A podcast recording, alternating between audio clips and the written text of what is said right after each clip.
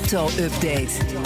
Herbert Blankenstein is bij ons, uiteraard, want het is woensdag. Hij is presentator van BNS Cryptocast, onze podcast over bitcoin en andere digitale coins. Herbert, goedemorgen. Goedemorgen, Bas. Nieuw jaarrecord voor de bitcoin, bijna 12.500 dollar. Maar intussen ligt de koers weer lager. Ja. Oh, hoe kan dat nou? ja, omdat het op en neer gaat, ja, Bas. Dat is zo. het, was, het was gisteren een record voor 2020, zelfs voor de laatste 12, zelfs voor de laatste 13 maanden. Mhm. En intussen is de stand 11.007 à 800. Trouwens ook weer ruim onder de 10.000 euro. En eh, ja, dat laat maar weer zien dat je je hoofd koel moet houden. Zo gewonnen, zo geronnen. Dat is waar. Nou hadden het vorige week over het bedrijf MicroStrategy. Dat zijn financiële reserve van 250 miljoen in bitcoin had omgezet. Ja. Hoe, hoe staat het nu met ze? Wat zeggen we net? Ja, als het Ja. maar opliep, wel goed gedaan dus. Eh, jawel, jawel. Ehm, het is trouwens heel erg leuk om te volgen en dat vinden meer mensen. Want er is intussen een MicroStrategy Bitcoin Tracker. Dat is een Twitter-account dat van dag tot dag bijhoudt hoe deze investering ervoor staat. Ja. Vorige week zei ik al dat ze 6,4 miljoen in de min stonden. Gisteren stonden ze 16 miljoen in de plus. En vandaag, op dit moment tenminste, spelen ze net zo'n beetje kiet.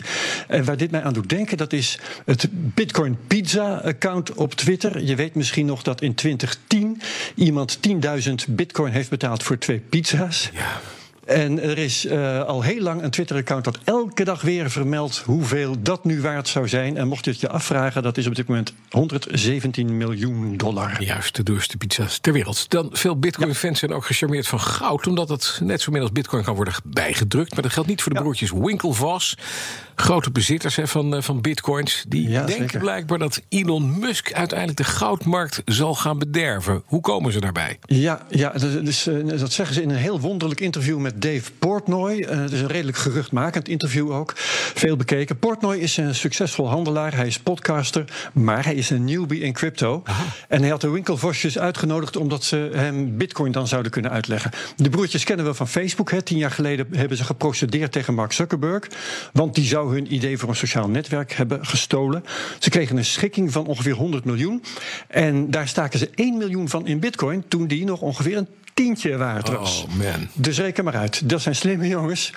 En eh, in dit interview proberen zij Portnoy uit te leggen over hoe Bitcoin werkt en wat mining is. En dan zeggen ze opeens: ja, goud is maar niks als je dat vergelijkt met Bitcoin. Want je denkt misschien dat de goudvoorraad vrij stabiel is.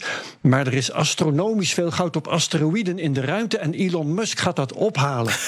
en dan komt er zoveel goud op de markt dat het niks meer waard is. Luister maar. Elon's going to get up there and start mining gold, and then it's going to Frank, you hear this? fall from the sky What are and, we and talking be, about? and be as plentiful as sand. Um, I don't know if you're serious. no, being No, we're totally dead serious. Yeah, that's why gold is a problem because the supply isn't fixed like Bitcoin. Meneer Portnoy geloofde het ook niet helemaal, hè? geloof ik. Nee, die moest er vreselijk om lachen. Dat SpaceX goud delft in de ruimte.